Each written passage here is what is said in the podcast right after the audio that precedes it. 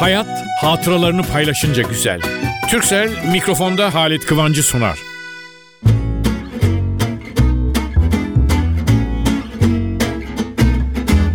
Merhaba sevgili dostlar nasılsınız?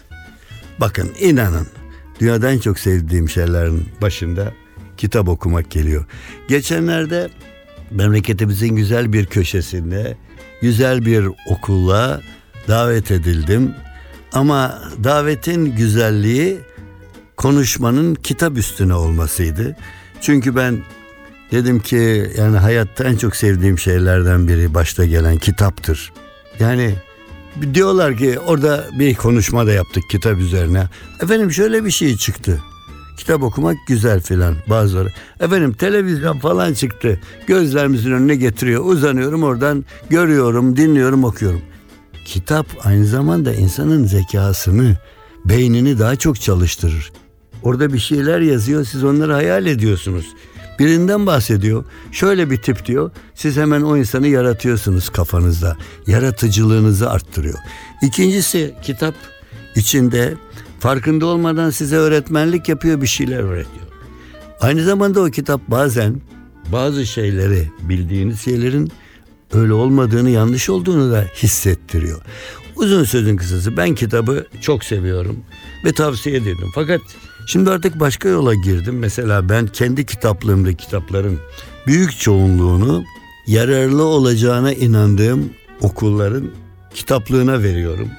Ve mesela okula konuşma yapmaya gittiğim zaman gençlerden hem de pek çoğu yani bu kadar tahmin etmiyordum toplandılar ve onlar da o kitapları verdiğimiz için okumak şansı bulduklarını. Diyeceksiniz ki çocuk okulda ders mi okuma öğrenmeye gidiyor onlar okumaya mı? Senin benim değil yani birilerinin verdiği kendi aldığı okul kitaplarına konmuş kitapları okumaya. Efendim hepsinin zamanı var. Yani sabahtan akşama kadar aynı işi yapmayacaksınız ki. Bence en çağdaş kişi belirli süreler ve de belirsiz sürelerde ya da içinde değişik de olsa bir takım şeyleri okumak zorundadır. Okuyarak öğrenmek, okuyarak hatırlamak, okuyarak başkalarına bir şeyler söylemek hakkını kendisinde bulmak. Yani uzun uzun yani kitap çok önemli. Fakat şimdi bir şey çıktı. imzalı kitap. Şimdi diyor ki ben de kitap, aha ben çok öteki bana onu kitap fuarına gittim orada imzalattım. imzalı bendeki kitap. Onunla da ayrı övünüyorlar. Yani ben hepsinin ötesinde şunu diyorum. Okudukça insan bir şeyler kazanıyor. Bırakın eğlenme de var. Neşeli bir kitabı elinize alıyorsunuz. Zaten şimdi araya reklam girsin bir tane. Ben de en son benim dostlar gülmek serbest falan diye bile hayvan esprilerini topladığım kitap. O amaçla yazdım. Yani dünya o kadar yorucu ki ara sıra da gülmemiz lazım. Karikatürler mesela öyle karikatürler var ki güldüren yıllar yıllar önce biz onları duyar birbirimize anlatırdık. Şimdi aynı şekilde bazen çeviriyorum bendeki eski kitaplar. Çoğu çok yakın arkadaşım olan büyük karikatüristler aramızda yok. Yok mu nur içinde yatsın aramızdalar. Çünkü o karikatürlerine bakıp bak şu olay için nasıl yapmıştı. İşte kitap bütün bunları hatırlatıyor. Kitap yalnız fizik, kimya, matematik öğretmiyor. Gülmeyi de öğretiyor. Tebessümleri, ataların söyledikleri güzellikleri getiriyor. Onun için çocuklar tavsiye ediyorum. Ben arkadaşlığa çok inanırım. Ama benim arkadaşlarım içinde en değerli arkadaşım kitaptır. Ben bir insanın hele siz gençlerin okulda ders okurken kitap insana bazen kulağınıza söyleyeyim sıkıcı gelir. Uh bu kitap da bitemedi bu ne zor ders falan. Ama hayatta onun faydasını göreceğiz. Bunların yanı sıra da hafif kitaplar da okuyabilirsiniz. Ama kitapta bir başka şey daha tavsiye edeceğim. Bir kitabı okuduktan sonra bir başkasına verin. Hani hayat paylaşınca güzel deniyor ya. İşte onu kitapta da uygulamak lazım gençler. Ha ben bu gençlerde hitap ediyorum ya bir dinleyicim sordu. Yani Halit abicim dedi ya seni bütün dinleyenler genç mi dedi. Evet dedim. Çünkü ben onlara gençler deyince onlar benim arkadaşım oluyor. Ben onların yaşında oluyorum. Siz bir olayı ille şöyle böyle diye eleştirmeyin önce. Onun sizi mutlu edecek yanını bulun. Ben benden gençlere sesleniyorsam, benden genç olanlara hitap ediyorsam, sevgili gençler dediğim zaman gençlerle konuşuyorum. E bana da bir gençlik bulaşıyordur yani bundan. Onun için dediğim gibi siz de sizden daha az genç olan bu Halit dedenizi, amcanızı, babanızı, dayınızı, teyze yok ne diyecektim? Halit abi, Halit abi en iyisi. Halit abinize inanın. Çünkü diyorum ki kitap okundukça insana bir şeyler verir. Ama kitabı birisine verirseniz o insanlara verdiğiniz armağan güzelliği kitaplara, dostlarınıza gider. Aa bana falanca bir kitap verdi, Ay, okudum ne kadar hoşuma gitti dediği anda siz o kitabı yazmış gibi hatırlanan kişi olursunuz. Vallahi ders kitapları bazen sıkardı okuldayken çocuklar haklısınız. Ama kitap Ulu Tanrı'nın bize buldurduğu güzelliklerin başında geliyor. Kitap en iyi arkadaş ama iyi arkadaş bulmak gibi iyi kitapta bulmak şartıyla. NTV Radyo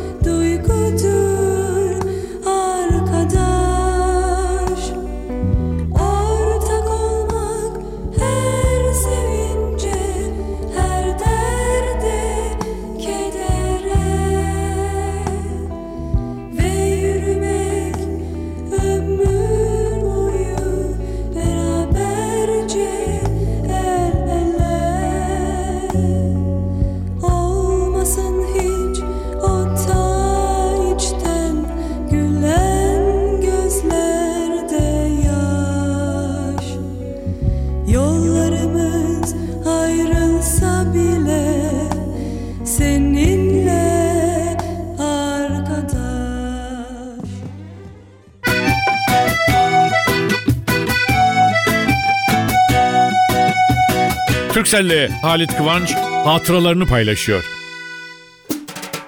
Son zamanlarda hayli sıklaştı bazı fırınların kapısının yanında gördüğüm böyle beyaz yazı tahtaları üstünde kalemle konmuş siyah çarpı işaretler var. İlk rastlayışta merak edip sormuştum. O fırından alışveriş edenler bir ekmek alıyorlar veya iki ekmek alıyorlar. Onun yanında bir bazen iki ekmeğin parasını da fırıncıya bırakıyorlarmış. Niçin mi? Maddi sıkıntıda olanlar gelip para ödemeden ekmek alabilsin diye. O tahtada da kaç kişi bıraktıysa onların işaretle miktarı gösteriliyormuş. Bunu öğrenip fırıncıya aldığı ekmeğin parasından fazlasını bırakanlar da her gün çok daha artıyormuş. Nasıl mutlu oldum bilseniz. Şimdi böyle bir levhanın asılı olduğu bir fırının önünden geçerken nasıl nasıl nasıl mutluluk duyuyorum. Ekmeğini tanımadığı insanoğullarıyla paylaşanların varlığını öğrenmenin mutluluğu bu. Ne doğru demişler. Hayat paylaşınca çok daha güzeldir diye.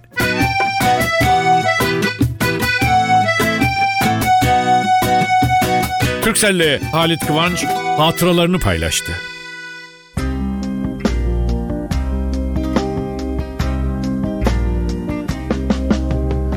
Paranın ne önemi var? Mühim olan insanlık. Denizde balık havada talih kuşu. Acıkan bir midenin huzursuzluğu. Giderek dikleşiyor hayat yokuşu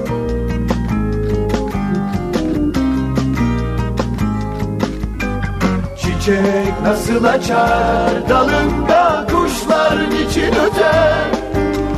Her günün sabahında bir çocuk nasıl büyür?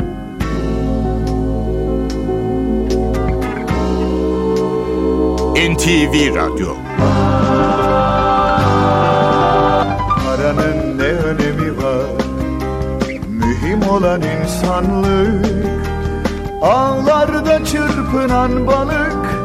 Kafeste talih kuşu Çıktıkça dikleşiyor Hayat yokuşu. Çiçek nasıl açar Dalında kuşlar niçin öter? Her günün sabahında Bir çocuk nasıl büyür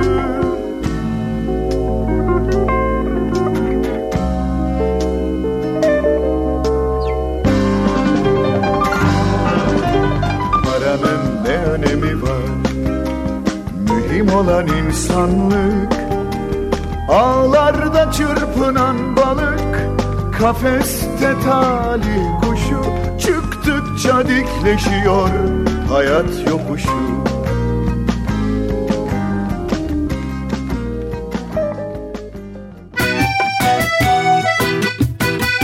Hayat hatıralarını paylaşınca güzel. Türksel'in sunduğu mikrofonda Halit Kıvanç devam ediyor.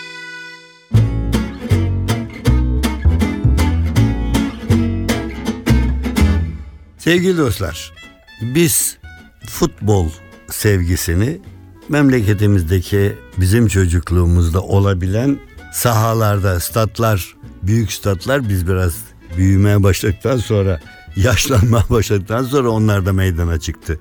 Ama başlangıçta bizim mahalledeki oradaki büyük bir arsa vardı. Orası top sahamızdı. Ondan sonra büyümeye başladı. Derken ben büyük bir şansla bu spor ve de futbol özellikle yurt dışına falan gitmeye başladık. Maç anlatmaya derken yurt dışına da muhabirlik yaptığım, yazı yazdığım oldu. Derken onlar bize geldi.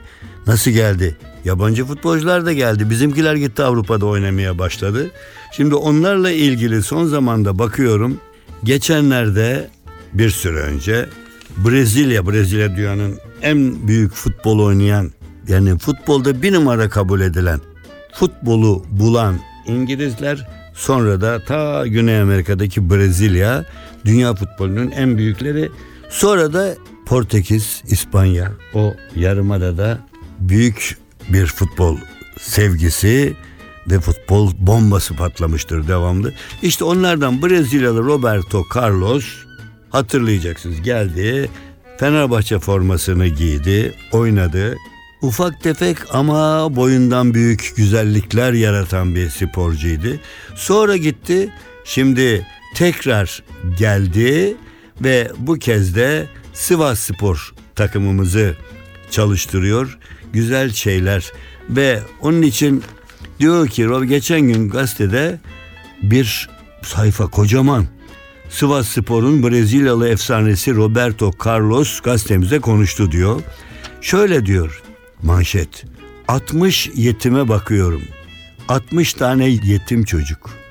Hani aile büyüklerinin yardım edemeyeceği bir çocuk ve Roberto Carlos'un demeci o kadar hoşuma gitti ki gözünüzden kaçmış o gazeteyi görmemiş olabilirsiniz diye düşündüm. Aynen şöyle diyor. Çocuklar benim için gerçekten çok değerli. Brezilya'da fakir ve kimsesiz çocuklar için yaptırdığım yetimhanede 60 tane çocuk eğitim görüyor. Ve en güzeli orada transferlerden aldığı paralar onları biriktiriyor. Brezilya'da bir yetimhane 60 tane çocuk onlara eğitim gösteriyor.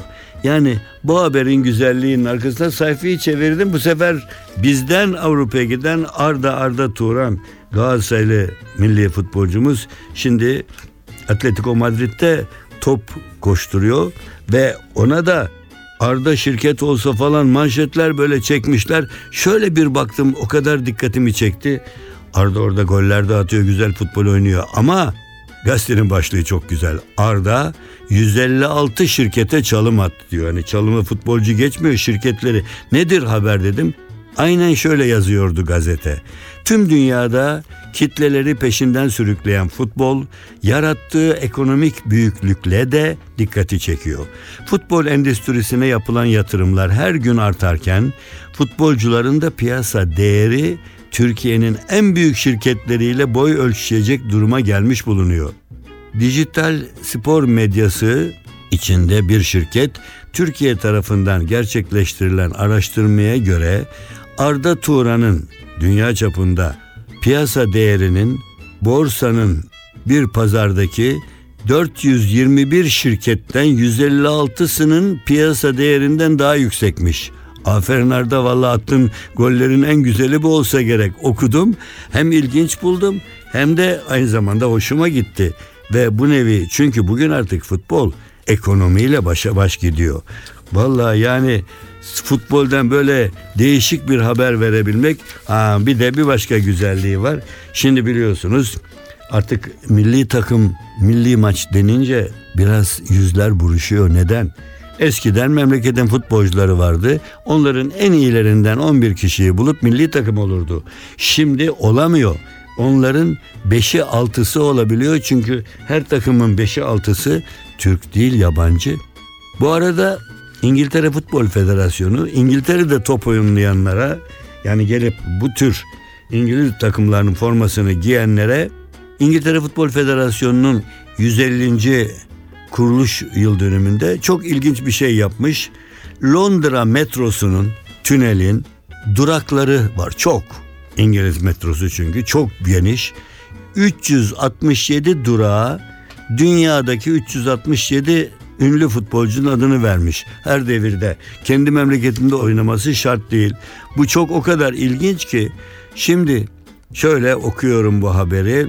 İngiltere Futbol Federasyonu 150. kuruluş yıl dönümü kapsamında Londra metrosundaki 367 durağa dünyanın ünlü futbolcuların isimlerini verdi. Genel olarak İngiltere Premier Ligi'ne damgasını vurmuş isimlerin yer aldığı listede de Türkiye'nin tanıdığı 3 kişi var. Biri İngiltere'de Liverpool formasını giymiş olan şimdi Fenerbahçe'de oynayan Dirk Kuyt. Biri Galatasaray'ın Chelsea'de efsaneleşen futbolcusu Didier Drogba ve Manchester City'yi uzun bir aradan sonra şampiyon yapan, şimdi Galatasaray'ın teknik direktörü olarak burada çalışan Roberto Mancini de bu 367 ismin arasına girmiş. Ne dersiniz? Gözünüzden kaçmış olabilir gazetede. Ben meraklılarına söyleyeyim. Neyin meraklılarına? Sadece futbolun değil, sadece politikanın değil, hepsinde hatırlanmak bir yıl dönümünde bir yabancı ülkede kendini kabul ettirmek İngilizler futbolu biz icat ettik, biz bulduk dedikleri için İngiltere'ye gelip futbol oynayanlara da bir teşekkür olarak kuruluş yıl dönümünde metrodaki bir istasyona adını veriyorlar. Ben çok güzel buldum. Siz nasıl buldunuz? Tahmin ediyorum, tahmin ediyorum. Siz biz de güzel bulduk diyorsunuz.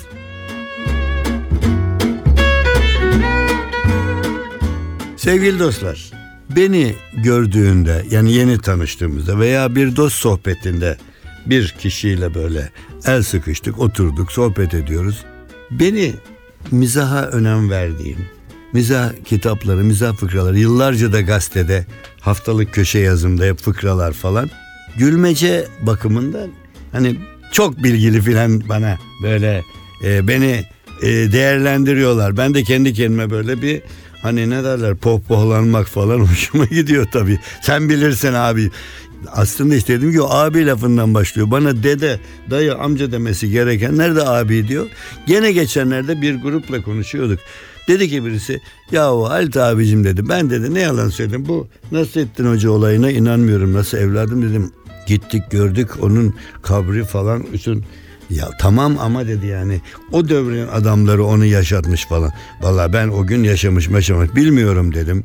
Ama yaşamışsa ne zaman nerede yaşamış nasıl yaşamış falan. Ama biz değil yabancı bilim adamları Nasrettin Hoca'nın 13. yüzyılda Anadolu'da Sivrihisar'da doğduğu ve Akşehir'de yaşadığı sonucuna varmışlar. Bunu da gerçek bilgi olarak bilimsel kitaplara geçirmişler. Gerçekten hocanın mezarı da Akşehir'de. Bu arada bizim Nasrettin Hoca'nın da bir hocası varmış ve o hocanın da bir kınalık kuzusu varmış. Bir gün Nasrettin Hoca da dahil Muzip öğrencileri büyük hocanın kuzusunu kesip yemişler. Nasrettin Hoca o zaman hoca değil. Nasrettin isminde bir delikanlı. O da hocaları bunu duyunca öğrencilerine çok kızmış. Kuzuyu kesen yani hocanın kuzusunu kesip yemişler. Kendi hocaları kızınca demiş kuzuyu kesenin boynu kesilsin. Derisini yüzenin derisi yüzülsün diye beddua atmaya başlamış. Nasrettin'e dönmüş. Sen ne yaptın o sırada Nasrettin? Efendim demiş ben onların haline güldüm deyince hocalara da gülmüş. Peki Nasrettin dünyada sana gülsün demiş. Böyle bir hikaye Nasrettin Hoca'nın adı duyulunca ya bu tam Nasrettin Hocalık falan denir. Bir de diyorlar ki Nasrettin Hoca bir kişi değil varmış böyle biri ama sonradan herkes bir espri bir şey buldu mu Nasrettin Hoca demiş ki Nasrettin Hoca yapmış ki Nasrettin Hoca söylemiş ki diye Nasrettin Hoca'ya mal edilmiş. Fakat şimdi bana sorsanız Nasrettin Hoca Nasrettin Hoca'yı sembolize eden fıkra var. Nasrettin Hoca dünya tatlısı bir adam hep güzel. Dikkat edin ama fıkraları kötü yöne sevk etmez insanları. İnsanların birbirini vurması, öldürmesi, kötü sözler söylemesi yok. Nasrettin Hoca'nın esprilerinde tatlı vardır, gülersiniz. Ama bir fıkrası vardır ki hala çözemedim ben. Çok kişi de bana bunu sormuştur. Bakın birbirinden şikayetçi iki vatandaş hocaya gelmişler. Ha, hocam diyor bir tanesi. Ben demiş bu vatandaştan demiş şikayetçiyim şöyle şöyle şöyle. Haklısın demiş hoca. Dönmüş ötekine demiş ki sen söyle bakalım. O da söylemiş sen de haklısın deyince bu evin kapısında oluyor konuşma. Karısı da yanlarında e, Nasrettin Hoca'nın. Nasrettin Hoca'nın hanımı dönmüş. Hocam demiş çok güzel ama bak sen bu anlattı ona haklısın dedin. Öbürü anlattı ona da haklısın dedin deyince hoca gülerek karısına demiş ki sahi karıcığım sahi sen de haklısın. Sevgili dostlar programı kapatırken söyleyeceğim söz beni her hafta uğraştırıyor. Neden? Ayrılırken sizden güzel bir sözle ayrılayım istiyorum. Kitaplar karıştırıyorum, gazetelere bakıyorum, notlar alıyorum. Ya şimdi şunu söylersem bu üzer, şunu söylersem bu sevindirir, bu bilmem ne falan. Bayağı kendi kendime. Ama geçenlerde bir yerde göz ucuyla şöyle bakıp gazete katlıyordum. Bırakıyorum gazeteyi. Köşeye gözüm kaçtı. Ah okudum. Ne mi demiş? Kim ne demiş? Bunları bırakın. Kim ne demişse demiş. Ama doğru demiş, güzel demiş. Şöyle demiş. Eskimeyelim. Eskitmeyelim. Eksilmeyelim. Haftaya buluşunca yepyeni birbirimizi bulalım. Hoşçakalın. Hayat hatıralarını paylaşınca güzel. Türksel mikrofonda Halit Kıvancı sundu.